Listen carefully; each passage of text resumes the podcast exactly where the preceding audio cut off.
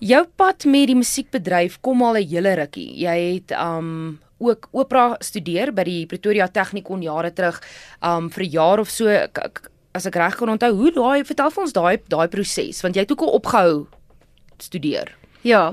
Ehm uh, weet jy wat, ehm um, toe ek ek het ek was baie lief vir klassieke musiek op skool. Ehm um, en natuurlik klassieke onderrig en opleiding gehad. Ehm um, maar toe ek nou die opera gaan studeer daai eerste jaar, toe besef ek, weet jy, dis eintlik wat ek graag wou doen nie. Um, om nou regtig eerlik te wees. Ek hou daarvan, dit is my mooi, maar ek het toe ek sien wat die ander kinders swat en te doen, jy weet, soos die die musikale teater en goed, het ek gedink ek's nou lief veel liewer dit wou doen, jy weet. So ja, ek is ek's lief vir opera, maar as, as ek sê ek kan nie daarvan dat mense my in 'n klassieke boksie moet indruk, verstaan, want ek ek ja. Nou het jy toe musiekteater gestudeer of het jy dit net op jou eie in die bedryf gaan toets? Ja, ek het maar net op my eie gegaan van daar af. Hmm. So ek het ek het geswat vir 'n jaar en 'n half en toe ek weg daar en ehm um, ja, toe gaan ek maar my eie ding. Die opleiding wat jy daar ontvang het in jou 1 en 'n half jaar wat jy daar was in Pretoria Technikon wat nou TUT is, is baie bekend natuurlik vir hulle kunste kampus. Ek het self daar gestudeer.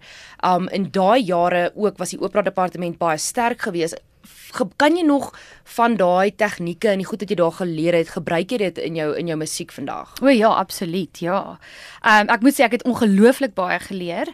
Ehm um, omdat ek van skool af ook klassieke opleiding gehad het, ehm um, help dit verskriklik baie. Ek glo enige sanger as hy klassieke, hy of sy klassieke onderrig het, ehm um, dis die beste ding want dit is die tegnieke wat jy daar leer kan jy letterlik toepas. Ek sê as jy kan opera sing, kan jy enigiets sing. Hoe kom ja. sê jy so? Uh, die tegnieke wat jy leer, um, die die die dis baie intens en dit wat jy leer daar, weet jy net hoe om ehm um, hoe om jou diafragma en jou liggaam en alles reg te gebruik wanneer jy sing. So wanneer jy 'n ander tipe genre van musiek sing, dan kan jy dit toepas en gebruik, ja. Mm.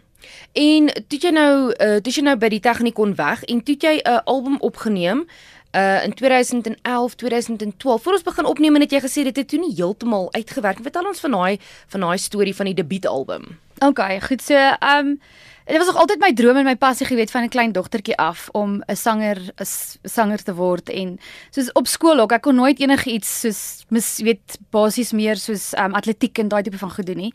My my beste ding was my basies gewees um om te kan sing. Dit was my passie, my droom van 3 jaar oud af het ek gesing. Um my ma en my ma's baie musikaal en goed. En ehm um, toe van daar af het ek ehm um, toe ek die album opgeneem het, het die album toe nou nie uitgewerk nie. En ehm um, maar ek glo vas later van tyd het dit vir my gewys ehm um, van die dag wat ek daai album opgeneem het. En en toe uitkom in 2012 het ek die Bybelverse kry Jeremia 29 vers 11. En ehm um, God het net bly vir my wys ehm um, dat hy 'n plan het vir my lewe. Daar's Jeremia 29 vers 11 sê mos immers, ek weet dat ek vir jou beplan sê die Here voorspoed en nie teenspoed nie. Ek gee vir jou toekoms se hoop en vooruitsig. En ek dink meer die kommersiële album was ehm um, dit was my plan en my droom vir my lewe, maar dit is nie God se plan en droom vir my lewe nie. En later van tyd het dit begin baie meer sin maak, ja. Maar daai hartseer en daai teleurstelling en daai uh, wat jy toe ervaar het. Vertel ons 'n bietjie daarvan. Dit kon seker nie maklik gewees het nie. Weet jy wat? Dis baie snaaks as jy dit sê want net vanoggend toe luister ek na 'n 'n 'n 'n stukkie van um, Bethel. En um, die vrou het juis gepraat van um, praising God in the disappointment. En weet jy wat, dit was my baie teleurstellend geweest. Dit was regtig, ek was my aaklig. Dit was gevoel soos 'n droom vir my wat mm. basies in skerwe lê. Maar weet jy wat, nee, dis van daai tyd af wat ek begin bid het te vir Here gevra het. Weet jy wat, ek weet jy het vir my gewys jy het 'n plan en droom vir my lewe wys my praat met my en ek het altyd gehoor mense praat en sê ehm um, ek die Here het vir my gesê en die Here praat met my en ek altyd gewonder maar ek weet nie waarvan jy praat nie. Totdat ek begin gaan smeek het en hom gevra het wys my praat met my ek wil ook weet. En ehm um, dit het toe eventually so gebeur dat hy vir my gewys het. So ja. Ja dis jy 'n hele paar jaar is jy toe nou uit die bedryf uit. En um, was dit toe nou 'n doelbewuste besluit om nou eers te besef wat jy wil doen of wat jou pad is wat jy moet neem? Ehm uh, weet jy wat die teleurstelling en alles en ek moes 'n pad stap. Ehm um, ek glo enige kind van die Here is op 'n plek in jou lewe dat jy weet ons almal uh, gaan deur dinge en ons gaan deur trials en ons gaan deur deur deur dinge in die lewe wat seermaak en wat teleurstellend is. Mm. En daai was een van die teleurstellings in my lewe en ek moes ook saam met dit 'n pad van vergifnis stap. En die pad van vergifnis wat ek gestap het was die mees verrykendste pad wat ek ooit kon stap. Ek dink vir enige iemand wat nodig het daar buite om iemand te vergewe, Ehm um, dis die heel belangrikste ding wat 'n mens moet doen is daai pad van ver, ver, vergifnis stap. En ek glo ook as ek nou terugkyk, ehm um, is dit soveel anders as wat ek as ek toe hier moes gesit het want ehm um, as ek terugkyk dan, dan sien ek hoe die Here gewerk het en hoe hy 'n pad met my gestap het. Van 'n pad van vergifnis af totdat hy vir my gewys het, hy het my geroep. Soos in 2014 het ek my stembande gesluit. Ek het besluit ek gaan glad nie meer sing nie en ek het op 'n soos 'n ehm um, verskoon my slang maar uh, Afrika soos 'n 'n song sabbatical gegaan. En ek het net in daai jaar wou ek fokus op die Here vra, weet wys my wat is jou pad vir my lewe? Jy het vir my gewys daar's daar's 'n daar's 'n plan en 'n roeping op my lewe, maar wys my wat se pad jy vir my wil hê. En in daai jaar het ek regtig 'n baie van die vergifnispad of 'n baie gehoorsaamheidspad moes stap. En dit is so 'n verrykende pad. Ek kan nie eers vir enigiemand verduidelik nie, is awesome. En toe jy nou besluit om die uh die gospel album op te neem. Vertel ons bietjie van die tipe gospel musiek wat jy speel. Is dit dit is nie jou hoe kan ek sê, dis dis meer bietjie van 'n crossover as ek reg verstaan en as ek na die musiek luister. Die gospel album was nie wat in my plan was nie. Dis die laaste ding wat ek raak gesien het. Want ek het uitbedien by plekke soos ouer huise en ehm um, gesing by tees en maar meer soos liefdadigheidswerk gedoen. En ehm um, God het vir my duidelik gesê verniet dit ek kan jou die die talent gegee en nie sal hom weggee. So die laaste ding wat ek verwag het was die album. So die album het letterlik is vir my gegee sonder dat ek gevra het. Ehm um, daar's 'n huge storie daarin verbonde, maar ehm um, die musiek wat toe nou uitgekom het is presies wat God gesê het. Ehm um, jare terug voordat ek my my album in 2012 uitgebring het, het 'n vriendin van my uit Burgersfort vir my gesê, sy het my net random gebel eendag en ek het jare laas met haar gepraat. Sy het my gesê, weet jy, die Here het my gesê het vir jou boodskap. Ehm um, en dit is dit is Isaiah 43 wat sê, um, stop going back to old past. I'm going to do something brand new. En ehm um, daai versie het ook oral saam met my gegaan en beweeg en ehm um, ek het basies met dit het het ek het ek het ek blye bevestiging kry dat God gaan iets nuuts doen in my lewe. En iemand het toe by 'n dame steef vir my gebid en vir my net gebidte gesê God gaan vir jou 'n nuwe klank gee. So om jou vraag te beantwoord met die met die met die crossover, dis definitief. Dit is 'n baie moderne dis dis iets wat God wil sê. Die album is regtig iets wat God wil sê. Dit is 'n dis heeltemal 'n anderste klank. Hy het gesê hy gaan 'n nuwe klank gee en ek glo met elke liewe liedjie is daar is daar is definitief 'n storie in elke liedjie en daar's iets wat hy wil sê daaruit. So dit gee vir al amper so 'n tipe van 'n Bethel in 'n Afrikaanse tipe van 'n feel crossover tipe van 'n ja. jy het gesê daar is 'n storie aan verbonde aan hoe die album oor jou pad gekom het. Vertel ons daai storie. Jy was op die radio, jy was op 'n radiostasie gewees en toe daar ja. iemand ingebel. Vertel ons ja. daai storie.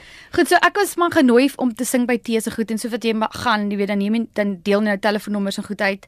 En ehm um, 'n radiostasie het my gekontak en genader en my gevra kan ek die oggend 7uur inkom um, vir 'n breakfast drive om te kom sit en gesels en net te getuig.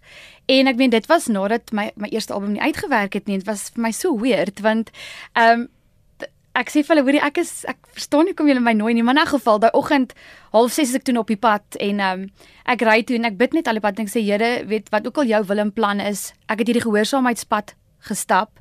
Ek doen wat hy van my verwag en ek vra vir niks nie. Ek letterlik stap in sy voetspore en waar hy my lei is waar ek gaan.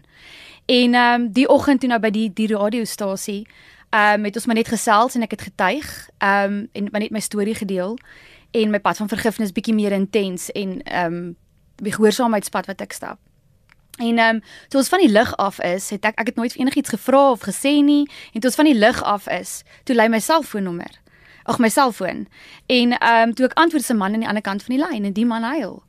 En hy sê hy's in die verkeer van Sandton of op, op pad Pretoria toe en hy sê hierdie het nog nooit met hom in sy hele lewe gebeur nie, maar die Here het vir hom gesê hy moet my help. En ek sê ek verstaan nie meneer hoe kon jy my help?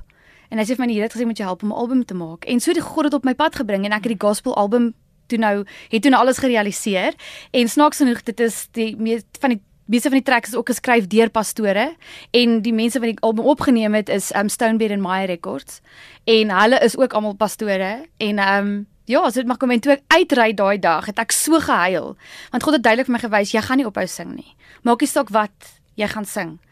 En um toe ek uitry en ek klim op die hoofweg, dis daar 'n groot billboard langs die pad en dit het gesê new song Sefanja 3 vers 17 as ek dit reg het, as ek praat onder korreksie, wat sê he will rejoice over you with singing. So God het nog al die pad bevestig en gewys waar ook al ek gaan, dit is wat hy gaan doen. En dit is dit gaan iets nuuts wees. So ja, dis nou eventually sy album gebore en dit dit word nou um uitgereik in Maart, sal ons die launch hê. En um dis definitief 'n nuwe klank en iets nuuts. Vertel ons van die snitvlerke. Dis die eerste enkel snit wat van die album af bekend gestel is natuurlik. Ons luisteraars is vertroud met die met die snit. Maar jy sê daar's 'n spesifieke storie agter hierdie ene, ja. agter hierdie liedjie. Goed, so dit is in my pad gewees, ehm um, so 2015, 2016. Ehm um, daai Desember maand het deur 'n baie moeilike tyd gegaan. Ehm um, ag weet jy wanneer weet wanneer die lewe net soveel goed in jou te gooi en alles letterlik alles wat kan verkeerd gaan het verkeerd gegaan. En die spesifieke dag kom ek by die werk aan en toe ek die voordeur oopmaak, ek het gehuil, my hart was baie seer. En ehm um, ek het gehuil en toe ek die voordeur oopmaak, Toe lê daar 'n veertjie op die grond. Ek tel die veertjie op, sit die alarm af, gaan sit agter my rekenaar en ek begin werk.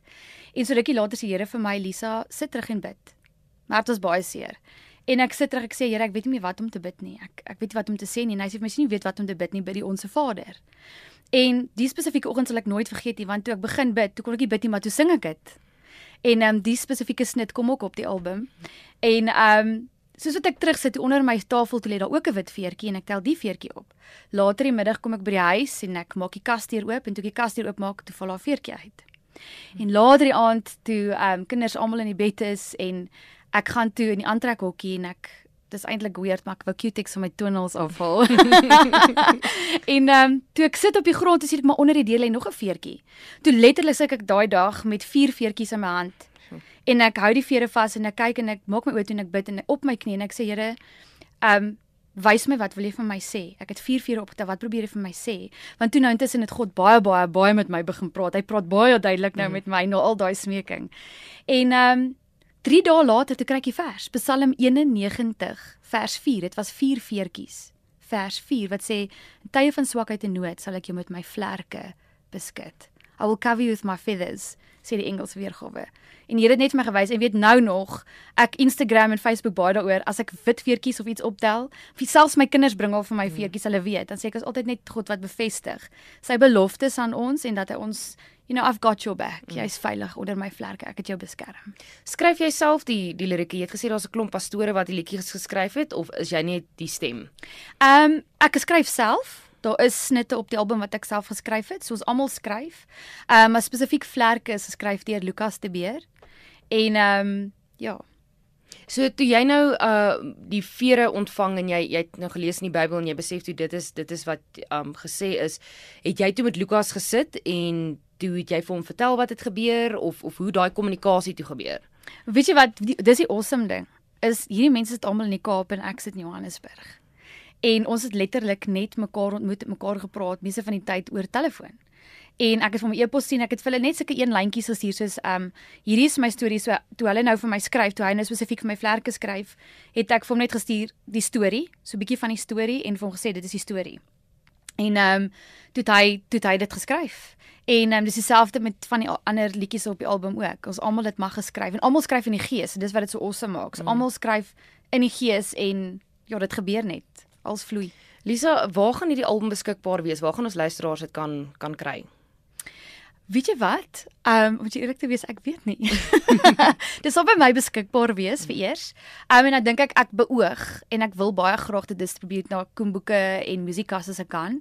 Ehm um, so ja, ons gaan kyk nog waar ons dit kan alles versprei en dan natuurlik as ek optree iewers of dan by my ook. Maart maand is die maand wat die album die lig gaan sien. As ons ja. luisteraars jou wil volg, jy sê jy het vroeër genoem jy's aktief op Facebook en Instagram. Uh wat is jou handvatsels daar en waar kan ons luisteraars dan meer lees oor jou en dan ook opvolg oor die album wanneer dit nou uiteindelik vrygestel word?